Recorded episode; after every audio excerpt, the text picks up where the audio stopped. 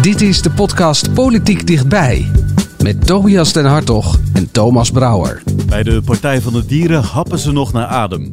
Na een maandenlange stille strijd om de macht barstte deze week de bom. Esther Ouwehand won de slag, het partijbestuur stapte woensdag op. Maar is daarmee de stammenstrijd binnen de Partij van de Dieren nu beslecht? En welke invloed gaat het conflict hebben voor de verkiezingscampagne? Dat en meer bespreek ik met Tobias den Hartog en Hans van Soest. Ja Hans, jij liet net glunderen binnen. Zit die prijs nog in je tas?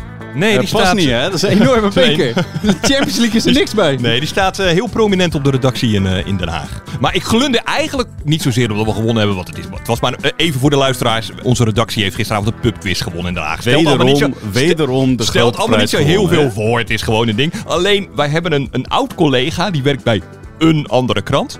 En die, die was ons al dagen eh, eh, was die ons aan het opnaaien. En die, is, eh, eh, die kan slecht tegen zijn verlies. En die hebben we achter ons gelaten. Dat is eigenlijk het enige wat ik leuk vind. Dus, eh, Heerlijk, hij glundert nog, hè? Ja. Nee, ik zie bij jou ook wel een grote grijns nu, Tobias. Ik- Maar jij zat niet in dit team, even voor de Nee, ik was, het, ik was letterlijk het vijfde wiel aan de wagen. Er waren, je mocht maar met vier meedoen. Er zaten er al vier. Ik kwam aanwandelen en ik mocht dus niet meer meedoen. Maar dat was prima hoor. Was dat vorig jaar ook al niet zo dat je net niet mee mocht doen? Er zit wel een lijn in, ja. Ja, ik moet denk ik eens even gaan praten. Misschien moeten we het daar even verder... Lig ik niet eh, zo lekker in de groep, Hans? eh, moeten we dat hier op... Ja, eh, nee, laten we het hierna doen. Oké, eh, de, de verkiezingsprogramma's, jongens. Daar gaat het eh, deze tijd natuurlijk vooral om. Ja. Hebben jullie ze allemaal al gelezen? Nou, allemaal, maar wel een dwarsdoorsnede. Ja, nee, de, de plannetjes vliegen je om de oren. En bij alles wat je leest, eh, een minimumloon naar dit, eh, eh, 130 rijden op de snelwegen. En bij alles denk je, ja, klinkt leuk, maar eh, kan het allemaal en kan het allemaal tegelijk? En wat kost het überhaupt? Dat weten we dus nog niet. Dat weten we zelfs niet tot heel kort op de verkiezingen. Dus ja, pff, voor wat het waard is, hè, die, eh, die, die programma's. Eh, kandidatenlijsten vliegen je ook om de oren. Dat gaat niet altijd even goed. Eh, bijvoorbeeld bij D66 gaan we het straks uitgebreid over hebben. Want het was toch wel de week van de Partij van de Dieren. Een onverwachte machtsstrijd binnen de Partij voor de Dieren. Het bestuur wil partijleider Esther Ouwehand niet meer als lijsttrekker bij de komende verkiezingen. Volgens de voorzitter vanwege meldingen over integriteitsschendingen. Zelf ontkent Ouwehand. Ze vindt juist dat het partijbestuur niet functioneert. Dat Esther er niet bovenaan de lijst staat is onbegrijpelijk. Ik steun Esther Ouwehand volledig. Het bestuur van de Partij voor de Dieren treedt af. En daarmee wordt Esther Ouwehand alsnog voorgedragen als lijsttrekker. Het hebben wel echt geraakt en eh, dat voel ik nog steeds. Maar ik ben ook opgelucht en heel erg dankbaar voor al die actieve leden die zijn opgekomen voor die prachtige partij die we zijn. Hè? Een gezonde democratische partij. Partij voor de Dieren is tot ongelooflijk veel dingen in staat. Maar ja, dan moet het intern ook wel goed zitten. En ik ben blij dat het nu achter de rug is en dat we door kunnen. Mooi de verkiezingen in, want er is een wereld te herwinnen.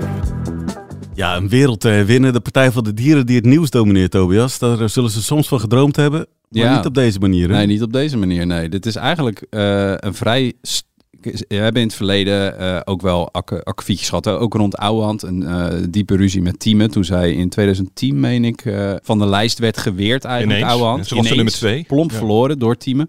Daar was toen ook al een... eh, Toen hebben de leden overigens tegen de wil van het, de partijtop in oude hand weer Ja. een verkiesbare plaats gezet, waardoor ze terugkeren. Maar dit is, het is wel atypisch. Want Partij voor Dieren is normaal gesproken best wel een gesloten Dat is waar, maar als er iets naar buiten komt, is het vaak wel ruzie. Want we hebben dus, hè, eh, Tobias refereerde net al aan de ruzie uit 2010 tussen uh, Team en Ouwehand. Maar er is een paar jaar daarna eh, hebben we ruzie gehad over een, een partijvoorzitter. Die werd gekozen door de leden die de partijtop niet beliefden en die weer eh, eh, werd afgeserveerd.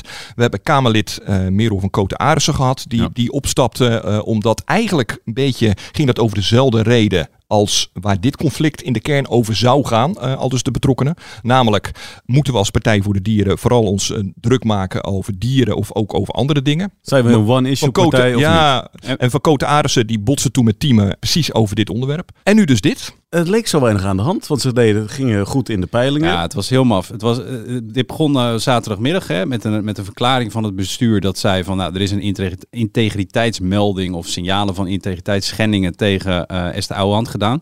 Dan denk je, hè, heeft ze een graai in de kas gedaan? Is er iets op persoonlijk vlak? Heeft ze iemand bij wijze van spreken een, een gegeven? Wat dan ook.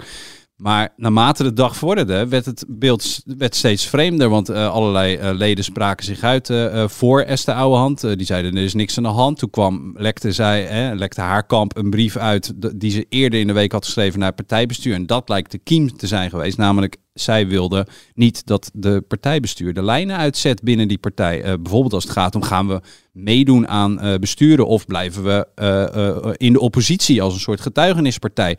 Nou ja, en daar, daar, dat was dan nog een beetje ver- vervlochten met een heel langlopende ruzie die Ouwehand heeft met iemand in het partijbestuur.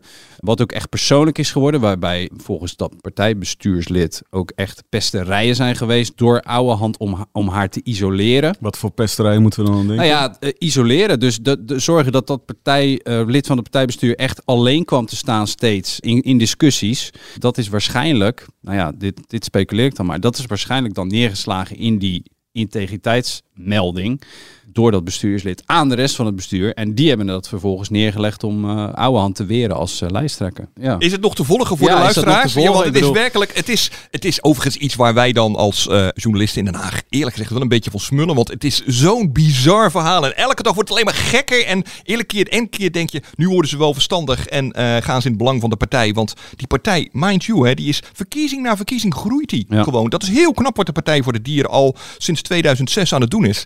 En ineens zijn ze zichzelf volledig te gronden aan het richten. En dat je denkt van, zijn helemaal gek geworden? Maar uiteindelijk ligt er toch, is dat conflict wat tussen Ouwehand en de partijoprichters, teamen, maar in elk geval kampteamen, of teamen nog echt een rol speelt. Eh, de mensen die wij spreken zeggen van niet. Maar in elk geval over wat voor partij zijn we nou eigenlijk en wat willen we worden en hoe willen wij ons doel, namelijk een diervriendelijke eh, wereld, hoe willen wij dat bereiken? Ja, dat conflict is blijkbaar nooit opgelost. En dat is nu deze week enorm geëscaleerd door, ja, eh, je kunt zeggen dat Ouwehand misschien afgelopen zomer een koep heeft geprobeerd te plegen tegen het partijbestuur. Maar je kunt net zo goed zeggen dat het partijbestuur een koep heeft geprobeerd eh, te plegen tegen de door de leden gekozen lijsttrekker. Althans, de vorige keer door de leden gekozen lijsttrekker. Want ze hebben in elk geval niet gezorgd voor voldoende draagvlak. Want ze kwamen met die mededeling zaterdagochtend. Ja. En echt, heel die partij leek overvallen van, wat is hier aan de hand? Kamerleden zeggen meteen, ik sta achter eh, Esther Ouwehand. Nou, een Niet deel. Elke, Een- ja. precies. Ja. Ja. Want dat geeft natuurlijk ook al iets Mhm. aan binnen de partij. Sommige Kamerleden houden zich op de vlakte. Wat zegt dat nu verder over deze partij? Nou ja, dat het, dat het tot op de bot verdeeld is. Kijk, het rare is, en ik zei net van je zou verwachten dat dit verstandige mensen zijn. Hè? Ze zijn al heel lang zitten ze in de politiek en ze hebben het heel goed gedaan. Ze kunnen wat, zou je zeggen. En dan is er eigenlijk maar één manier om dit op te lossen. Je zit een paar maanden voor de verkiezingen. Kiezers, dat weten we gewoon. Als er onrust is binnen een partij, haken kiezers af. Dat hebben we gezien bij alle onrust in partijen in het verleden. Bij eh, Trots op Nederland. Eh, iedereen kan zich nog wel herinneren. Die stonden in de peilingen op, ja, op 30 zetels. Toen begon het intern te rommelen. Nou, ze hielden er nul over. Zo gaat het altijd. Als je als partij uitstraalt, wij zijn het onderling oneens en wij eh, gaan rollenbollend over straten, dan haken kiezers af. Nou, je zit een paar maanden voor de verkiezingen, dan kun je eigenlijk maar één ding doen. En ik, mag ik even één parallel trekken met een andere partij waar hetzelfde gebeurde een paar jaar geleden? Ik weet niet of jullie het nog kunnen herinneren, maar een paar jaar geleden hadden we ruzie in de partij Denk. Denk was ook zo'n partij die kwam eigenlijk uit het niets op, haalde drie zetels, deed dat, bleef constant ook in de peilingen. En op een gegeven moment, en dat is wel een mooie parallel met, met deze ruzie bij de Partij voor de Dieren, kwam er een integriteitsmelding tegen partijleider Kuzu. En de partijvoorzitter, die overigens ook eh, op dat moment Kamerlid was, Usturk, eh, die nam dat in onderzoek en dat, dat kwam op straat. En ze gingen elkaar openlijk afvallen. Zo van, nou, eh, je steekt me een mes in de rug en jij maakt de partij kapot en dit en dat. En dat werd steeds erger. Ze, wilden elkaar ook uit de partij krijgen. En het ging ook over de koers overigens toen. Weet je wel, gaan wij er hard in of proberen we wat meer compromisbereid te zijn? Eigenlijk allemaal in- ingrediënten die je nu ook terugziet in de, bij de Partij voor de Dieren. En in no time ging die ging Denk in de peilingen van stabiel drie zetels naar nul zetels. En ze zijn gewoon die camphanen met elkaar om de tafel gaan zitten en zeiden: jongens, we zijn deze partij kapot aan het maken. Toen hebben ze vrede gesloten. En hebben ze nooit meer over die ruzie gepraat. Hebben ze het achter zich gelaten. En bij de eerstvolgende verkiezingen haalden ze gewoon weer drie zetels. Kijk, uiteindelijk is dat het Ja. enige wat je kunt doen als partij. Maar Ja. wat er nu gebeurde deze week. Ja, je weet wel dat dit dus niet gaat gebeuren Het gaat bij dus Partij niet voor Dit. Want het bestuur heeft dus al gezegd, oké, wij stappen op. Maar, eh, wil nog wel even opmerken, Esther Ouwehand is geen geschikte lijsttrekker. Nee. En, En Ja. dan gaat de dag daarna partijoprichter Nico Kofferman op de televisie zitten. En die gaat ook nog eens een keer even in het potje roeren. Zo van, ja, ja, wat is er eigenlijk allemaal aan de hand met Esther Ouwehand? Ik weet niet, eh, ik vind haar een goed Kamerlid. Maar of ze ook een goede partijleider is, poe, poe, poe, poe, poe. Kortom, het ene kamp, wat nu aan de verliezende hand lijkt, blijft maar olie op het vuur gooien. Ja, dit, dit is een drama voor die partij. En is daarmee dan ook die historische verkiezingswinst die erin leek te zitten, gaat dat nu ja, wankelen? misschien is, dat, nu nog te vroeg. Hè. Hebben we Voor hetzelfde geld eh ontbranden nog allerlei andere dingen. Ook bij eh, concur- concurrerende partijen van Partij voor de Dieren. Hè, tegen de tijd dat we verkiezingen hebben. Daar gaan we nog wel, wat, eh, gaat nog wel even overheen. Maar ik denk wel, het gaat natuurlijk zeker nu. Je hebt eh, eh, de partij van Pieter Omtzigt. Je hebt die van Caroline van der Plas. Je hebt het in het verleden bij Forum gezien. En wat bij al die, al die partijen altijd wordt gezegd is... we moeten niet te, groot, te snel te groot groeien. Hè, want dan krijg je groeipijnen en gedoe. En eigenlijk was Partij voor Dieren altijd zeg maar het macrootje, het voorbeeldje van hoe je wel gestaag kan groeien, verkiezing na verkiezing na verkiezing. Ja, dat hoeft nu niet in één stuk te zijn, maar er zitten wel wat krassen op dat verhaal. Moet, moet Esther Ouwehand eh, in gesprek weer met het bestuur zorgen dat de rijen gesloten eh, blijven? Nou, ik zou, ik zou hopen dat het, dat het bestuur niet langer achterom trapt en dat zij stopt met er te over te hebben. Dat zou mijn advies zijn. En proberen om, eh, ja, de, we gaan nu een beetje spindoktertje spelen, een beetje PR-advies geven, maar ik zou proberen, eh, change the conversation. Ik zou het zo, zo min mogelijk hier nog over laten gaan als ik hun was. Wie profiteert hier nou het meest van? De onrust bij Partij van de Dieren? Is dat GroenLinks PvdA? Ja, dat is heel lastig in, in, in te schatten. Kijk, ja, je zou zeggen, programmatisch staan die natuurlijk het dichtste bij. Dus zeg maar, kijk, niemand, geen enkele kiezer bijna, op een enkeling na, heeft gaat blind voor één partij hè, in Nederland. Mensen zijn, voelen zich een beetje links, voelen zich een beetje rechts, voelen zich een beetje midden. En die twijfelen altijd een beetje tussen een paar partijen binnen dat spectrum. Dus je zou kunnen denken, nou, eh, kiezers die afhaken bij Partij voor de Dieren gaan naar GroenLinks PvdA. Maar dat hoeft niet. Hè. Het kan ook zijn dat die gewoon niet gaan stemmen. Of eh, dat kan. Maar goed, het zijn nog twee eh, maanden. Is wat Tobias zegt. Dus de wonderen zijn de wereld nog niet uit. Misschien weten ze zich te herstellen. Ja. Maar, de geschiedenis leert, Ja. het wordt wel heel moeilijk. En er zijn wat mensen die hier echt pijn van hebben ge- ge- ge- gehad. Hè? Die, de, dat bestuur natuurlijk. Kofferman is het duidelijk nog niet overheen. Lammert van Raan, nu nog Kamerlid voor Partij van de Dieren, staat ineens op... Getrouwd met een van de nu vertrokken partijbestuurders. Precies, en die wordt ineens op plek 20 gezet op de lijst. En die speculeert dan op dat het interimbestuur wel met een nieuwe lijst misschien komt. Weet je wel, dus daar, dat edt het nog wel eh, Er zit nog steeds wel wat pus in de mond, vrees ik. Ja. En er was er ook nog inderdaad een Kamerlid eh, wat deze week plotseling zei van... eh, ik vertrek, ik, eh, ik heb hier allemaal geen zin meer in. Ik ben ontzettend geraakt door de gebeurtenissen in de afgelopen dagen. En het raakt me omdat ik de Partij voor de Dieren ken als een geweldige groep mensen die samen onbevreesd strijden voor hen die niet voor zichzelf kunnen opkomen. Voor de dieren, voor de natuur, de meest kwetsbare mensen en kinderen hier en elders. En het raakt me omdat meer dan ooit onze stem hier hard voor nodig is. En die stem steeds meer verloren gaat aan een interne strijd. En voor mij heeft die strijd voor de dieren altijd prioriteit gehad. Altijd voorop gestaan. En dat zal altijd zo blijven. Maar onder deze werkomstandigheden kan ik dat niet langer doen. En daarom heb ik besloten om mijn functie als Kamerlid neer te leggen.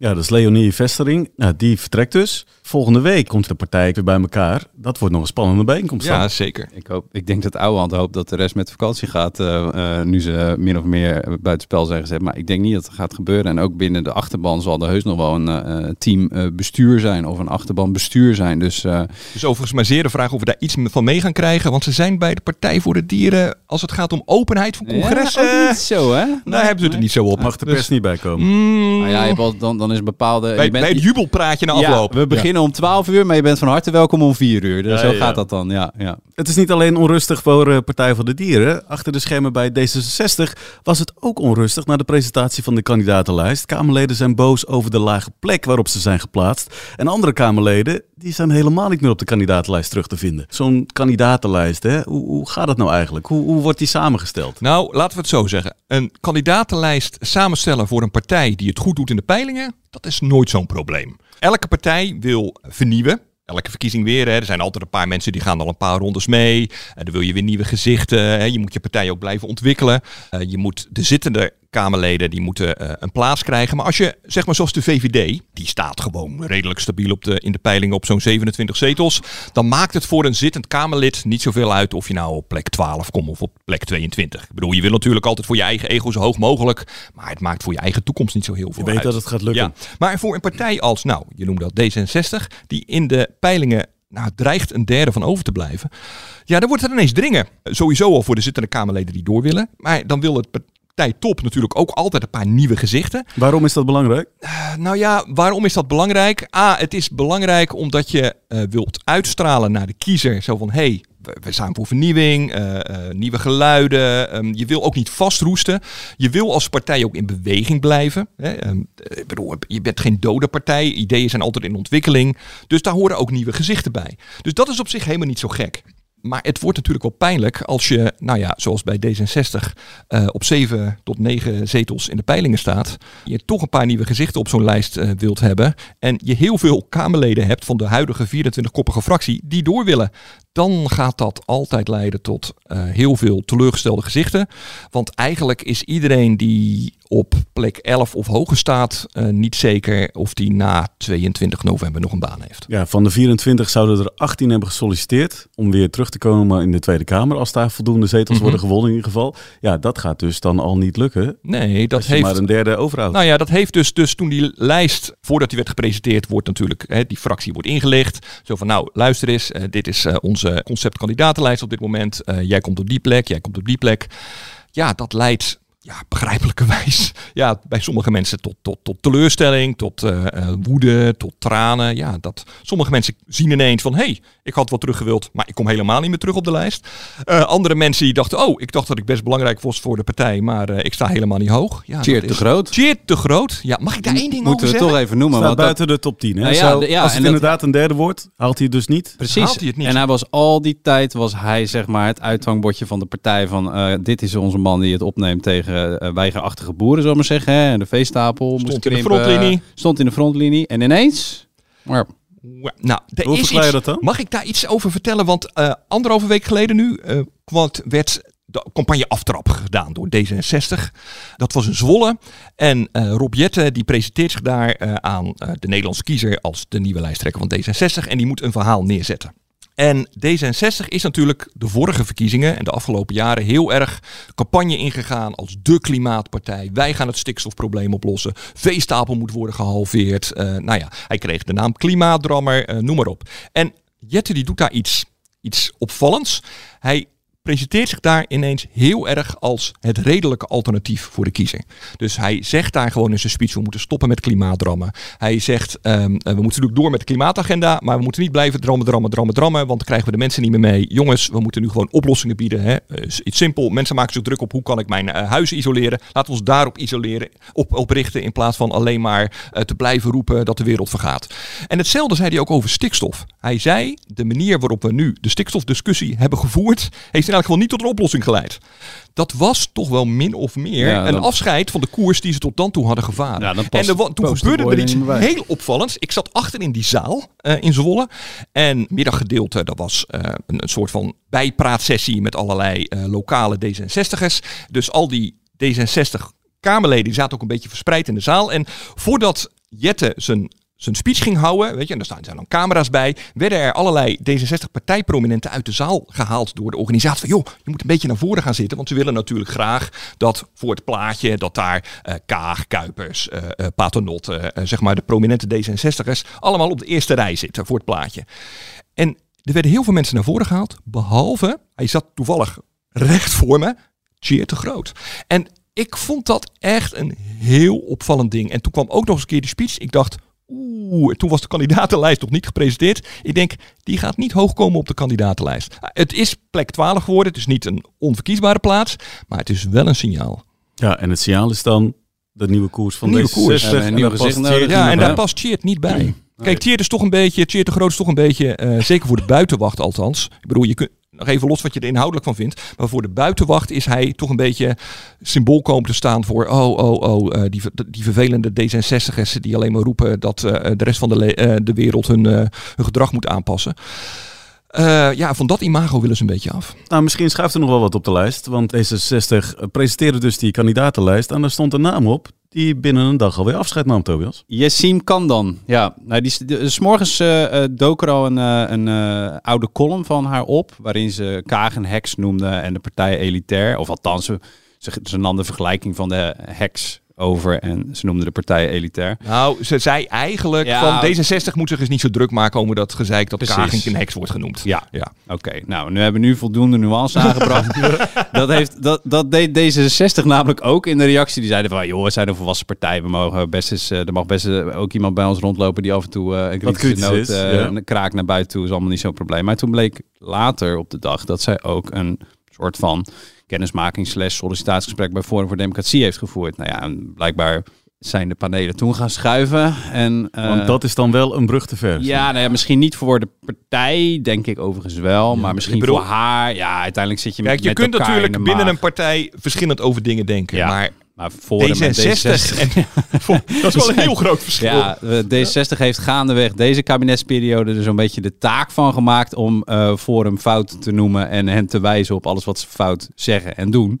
Ja, dan kan je Maar ideologisch, ik bedoel, je kunt bijna Nee, niet verder vanuit ook elkaar niet, staan. maar ook Ja. qua, qua optreden de afgelopen tijd, eh, dat, nee, dat gaat niet. Zij verdwijnt dus van de, van de lijst. Is dat dan onder druk van de partij? Of Tuurlijk. Ja, dat denk ik wel. Nee, ik, zij heeft gewoon. Toen eh, ze bij de partijtop te horen hebben gekregen van. Want er waren journalisten, ik meen van NRC, bezig al met een verhaal. Die hebben toen een reactie gevraagd aan D66. Dus die kregen, dachten daar, waarschijnlijk zijn daar ineens allemaal mensen enorm geschrokken van. Wat? Eh, eh, heeft ze eh, een sollicitatiegesprek gehad ook bij Forum? En toen is ongetwijfeld een telefoontje naar haar toegegaan van luister eens. Dit moeten we zijn, niet willen. We, we kunnen twee dingen doen. Of wij, en dan wordt het heel lelijk, wij doen het. Of je neemt gewoon vrijwillig afstand. Ik denk dat dat is gegaan. Want vrij kort daarna kwam er ook nog een mededeling van Rob Jetten dat hij zoveel respect had. dat, hij, dat ze dit besluit had genomen. Bla bla bla bla. Maar je vraagt je wel af, hoe, zit dat dan HR-technisch? Hè? Ik bedoel, je hebt zo'n gesprek met zo'n kandidaat en je zegt van, joh, is er iets wat, je, wat we moeten weten? Ja, kom je dan, bedenk je dan toch niet uit jezelf ook van, joh, ik moet dit eens even melden. Ze hebben dit ook aan de hand gehad eh, bij de VVD, hè? Eh, Destijds toen eh Wieberen van Haga en de hele ophef rond zijn shopper de pop eh, huisjes die, die, eh, waar die op binnen aan het lopen was. dat heet ook echt zo, hè? Ja, dat heet ook echt zo. Dat is geen grap. Zo heet die BV, die hij nog steeds heeft en waar hij goed van leeft. Toen het allemaal aan het licht kwam, toen, toen heeft de VVD daarna ook besloten van, nou, we gaan volgende keer gaan we die gesprekken, gaan we even iets meer de toon geven van een verhoor. Dus dat wordt een kaal hokje waar iemand komt te zitten met een lamp erop en dan gaan we vragen, joh, als er nu iets te melden is, moet je het nu zeggen. En als je het nu niet zegt, gaan we je laten laten vallen als een baksteen. Weet je, dus misschien, je, kan, je kunt je zo voorstellen, VVD is niet de enige volwassen politieke partij, dat dat ook bij die anderen gebeurt. Maar ja, blijkbaar glipt er toch eens af, eh, af en toe eens wat doorheen. Eh, zelfs bij Pieter Omzicht. Zelfs bij Pieter Omtzigt, ja. Die had een woordvoerder aangesteld om zijn huidige woordvoerder te vervangen, Onno Aarde. En ja, die bleek op Twitter BBB op enig moment een gezwel te hebben genoemd. Nou ja, die man, de goede man, die begon s'morgens om eh 9 uur, zeg maar, met een aankondiging op Twitter, ook op X. Eh, ik ben aan de bak en een paar uur later moest hij zeggen, ik ben niet meer aan de bak. Want Maar eh, dit is toch het allermakkelijkste? Omtzigt zei, we zijn zo druk bezig met al die kandidaten die zich nu aanmelden voor de partij, dat dit er doorheen is. 24, wat was het? 2400 kandidaten? 2400 kandidaten Ja. met 15 HR-managers die, eh, die aan het schiften zijn, zei hij. Dus ja. noem het maar de opstartproblemen, maar eh, het gebeurt in de beste families dus. Eh, het gebeurt in de politiek toch wel regelmatig. ja, ik denk dat iedereen in de maatschappij wel een vlekje heeft, dus ook in Ja. de politiek. Ja. Dat is het lastige natuurlijk. Maar, Kijk, wat dat betreft, het zijn volksvertegenwoordigers. Hè? Het zijn gewoon en- mensen zoals jij en ik. maar laten we Ja. elkaar geen mietje noemen. Het percentage gelukzoekers is natuurlijk ook gewoon hoog in de politiek. Het is ook gewoon een goed betaalde positie met heel veel aandacht. Dat trekt natuurlijk ook, ja, nou ja, sorry. eh, Het, het trekt ook wel ook eens eh, eh, opportunisten ja, aan. Absoluut. En eh, die verzwijgen dan liever een, Ja. iets Ja. uit het verleden. Ja. Ja, Waar wat ik ook weer niet wil zeggen dat er alleen maar opportunisten in de Tweede Kamer zitten. Want er zit ook echt Jij bent oprecht... van de nuance vandaag. Ja, er zitten ook echt oprecht gewoon mensen met Goed een- dat iets. eh, Nou ja, die gewoon echt wel iets willen met Nederland. Eh, gewoon, het, zit ook, zijn niet al, het is echt niet alleen maar brandhout Nee, hoor, nee, in, nee. in die, eh, in die kamerbankjes. ook. Ja, Kamerleden met bijvoorbeeld een eh, juridische probleempjes links en rechts. ook, Als we ja. het daarover gaan hebben, dan komen we toch uit deze week bij Gideon van Meijeren. Eh, Tobias, die wordt eh, door het OM vervolgd voor twee gevallen van opruiming. Hoe zit dat? Ja, het gaat eh, om twee uitspraken. In één geval over, over wat hij zei in een interview en een ander op een boerenmanifestatie in eh Tuil. Een taboe op geweld, wat er op dit moment in de samenleving rust, terwijl de staat het geweldsmonopolie heeft, kan er ook voor zorgen dat de staat nooit iets te vrezen heeft. En het standpunt dat ik nu uitdraag is ook heel goed verenigbaar met een democratie, want in de Verenigde Staten is het tweede amendement het recht op wapenbezit, juist zodat altijd ergens die dreiging wel boven het hoofd hangt dat de burgers als het echt nodig is, in staat zijn om zichzelf te verdedigen. En voor deze uitspraak, Ja. onder andere voor deze uitspraak... Onder andere voor deze uitspraak wil hem, hem vervolgen. Ja, eh, Van Meijer reageert daar deze week eh, als volgt op. Vooropgesteld vind ik het heel typisch welke timing is gekozen. Het Openbaar Ministerie heeft ruim een jaar de tijd genomen om die uitspraken te onderzoeken. En gewacht tot precies twee maanden voor de verkiezingen om met een sensationeel persbericht eh, aan te kondigen dat ze mij gaan vervolgen. Dus dat vind ik toch echt wel eh, de schijn hebben van een politiek proces, een heksenjacht. En in dat opzicht is dit toch een, eh, een dieptepunt voor de democratische rechtsstaat. Ja, je hoort van mij, maar je had net zo goed eh, Wilders eh, van een aantal jaar daarvoor kunnen afspelen. Toen het ging over die zaak van de minder Marokkanen, hè, waarvoor die ten dele maar is veroordeeld. Maar dit is eigenlijk, ik vind die, die timing, waarom het OM er nu mee komt, na een relatief lange periode. Daar ga je nooit achter komen. Het OM zal die vragen wel krijgen, maar daar zullen ze nooit antwoord op geven. En dat is niet. Het, ra- het rare is, stel nou ze hadden in verband met de verkiezingen gewacht twee maanden Ja. voordat ze zouden bekendmaken we gaan hem vervolgen. Dan hadden we toch net zo goed gezegd van, oh, nou het is wel heel raar dat ze... eh, ja. Exact. En dit ditzelfde, dit, ditzelfde dilemma speelde dus rond die zaak van Wilders toen. eh, met zijn minder Marokkanen uitspraak. Dat sleepte ook maar voort en er kwam hoger beroep en zo. En dat doorkruiste ook een paar eh, verkiezingscampagnes. En dat is best wel lastig, want ja, je wil... Enerzijds wil je niet dat het eh, politiek wordt, zo'n zaak. Maar het wordt altijd politiek, want het is tegen een politicus. Plus, dat is de schaduwzijde, zullen we maar zeggen. Diegene krijgt ook enorme airplay en aandacht. Dus het, het, het kan ook nog eens een factor zijn dat in zo'n campagne gaat spelen. Dat zou in dit geval allemaal zo vaart niet lopen. Want eh, het tempo in zo'n zaak ligt echt heel laag. Dus dit gaat echt wel over de verkiezingen heen. eh, wil je hier eh, verder van horen. Maar ja, nu is het dan even in de aandacht. En dan zakt het dadelijk ook wel weer weg. Maar, Maar we hebben het twee keer niet gehad over Forum. En nu ja, precies. staat hij toch weer in deze podcast even Ja. als onderwerpje op de Ja. kaart. Ja. Eh, het dat- presenteerde trouwens ook deze week een lijst, eh Forum voor Democratie. Ja, gisteren in het Carlton Hotel eh, in, in Den Haag, Thierry Baudet. Ja, er was, er, was heel veel buzz gecreëerd door de partij over dat hij misschien dan weg zou gaan. En oh, oh, oh, wie wordt de lijsttrekker als een fotootje rondstuurt van een silhouet van een man waar je overigens best Thierry Baudet gewoon in kon zien. Dus het was helemaal niet zo'n ding volgens mij. Maar Ze deden net alsof hij niet meer ze op één zou deden net staan. alsof hij niet meer op één zou staan. Maar hij was het toch. En hij, hij zei ook na afloop van... nou, jullie journalisten zijn altijd alleen maar op zoek naar ophef bij ons. Hè? Terwijl Forum heeft ooit... Hij heeft zelf geschreven... wij zullen ophef zijn of wij zullen niet niet zijn. Maar jullie willen altijd alleen maar slecht nieuws. Nou, nu staan jullie eens een keer voor lul, zei hij. Nou ja, vooruit. We waren er inderdaad allemaal. En het was een presentatie met een eh, verkiezingsprogramma... wat gewoon de evergreens van eh, Forum eh, bevat. Hè? Eh, weg uit de EU, weg van de euro op termijn... eh, bindende referenda. Eh, er zat nu ook... eh, wij zijn de enige partij die de, de, de transgender propaganda aanpakt. Nou, het is allemaal wat je ervan verwacht eigenlijk. Maar er was één ding wat me echt opviel. In die presentatie van Baudet, die een paar minuten duurde, zat weer tijd ingeruimd om hem te laten vertellen. Hij vertelde dus weer dat hij toch echt de enige oprichter van de partij is geweest. Nou, dat is een, een doorn in zijn, eh, ja, is een in zwak zijn plekje, zij. een zwak plekje eh, op Ja. zijn ziel. Ja. Kijk, het, het verhaal is namelijk van destijds dat Henk Otte, die met heel veel ruzie bij die partij is weggegaan, samen met Baudet de, de partij heeft opgemaakt, eh, heeft, heeft eh, opgericht. Het was eerst een denktank, zij hebben er samen een politieke partij van gemaakt. Dat blijft Henk Otte ook gewoon vertellen. Maar Baudet kan dat niet loslaten. Dus je moet je voorstellen, er is helemaal niemand in Nederland die, Die er ommaalt Nee. wie Maar die partij is- precies heeft ik moet- hij ik- blijft er maar op terugkomen. Dat ik, moet vind ik hier altijd, ik moet hier altijd aan denken, weet je wel, Jozef Stalin die eh, eh, na de ruzie eh, binnen de communistische partij Trotsky zeg maar uit de geschiedenis heeft geprobeerd te retoucheren, weet je wel, foto's weggehaald en uit de geschiedenisboeken werd zijn naam weggehaald. Nou, dat gebeurt ook ongeveer met Otte bij Forum voor Democratie. Eh, daar mag niet meer over gepraat worden en alles wat hij zegt eh, eh, ooit, dat is allemaal niet waar.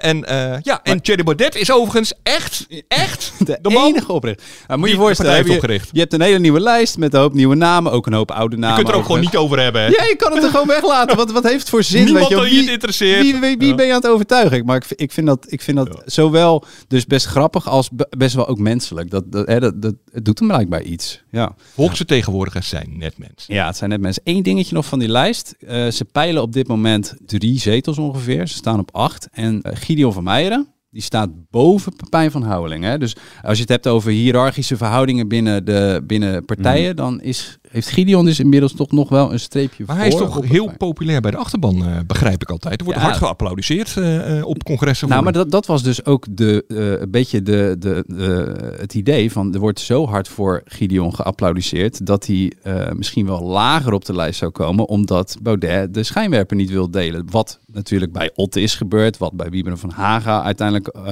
is gebeurd. Het, het liep uit op een conflict waarbij Van Haga uiteindelijk de partij verliet. Maar er is Ja, want je zei ze staan op acht zetels, maar ze hadden acht ze zetels. hadden zetels, ze er nog staan op maar drie. Precies. Ja. Ja. Dus eh Pepijn van Houwelingen zit nu op in de de, Kamer. WIP. Ja, WIP, dus Pepijn van Houwelingen zit op de WIP, maar Gideon heeft, eh, is in, in de gratie. Ja. Als we dan kijken naar volgende week, jongens. Zondag is de aftrap van de SP-campagne. Op zich wel iets om in de gaten te houden, omdat die partij nou, verkiezingsnederlaag op verkiezingsnederlaag heeft eh, geleden. Dus eh Marijnissen zal een keer willen en moeten winnen, denk ik.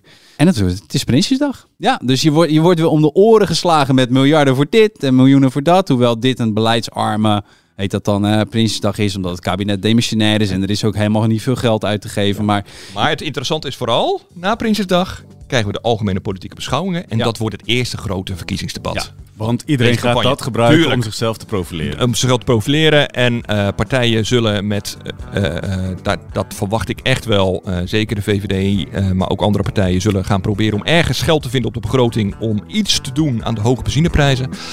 Ehm, en zo zullen alle partijen proberen eh, hun beste beentje voor te zetten voor hun achterban. Als je van politiek houdt, moet je gewoon eventjes eh, eh, ziek melden. En dan heb je acht uur spektakel. Want ze gaan elkaar wel flink te maat nemen, denk ik. Ik zie Hans al zitten.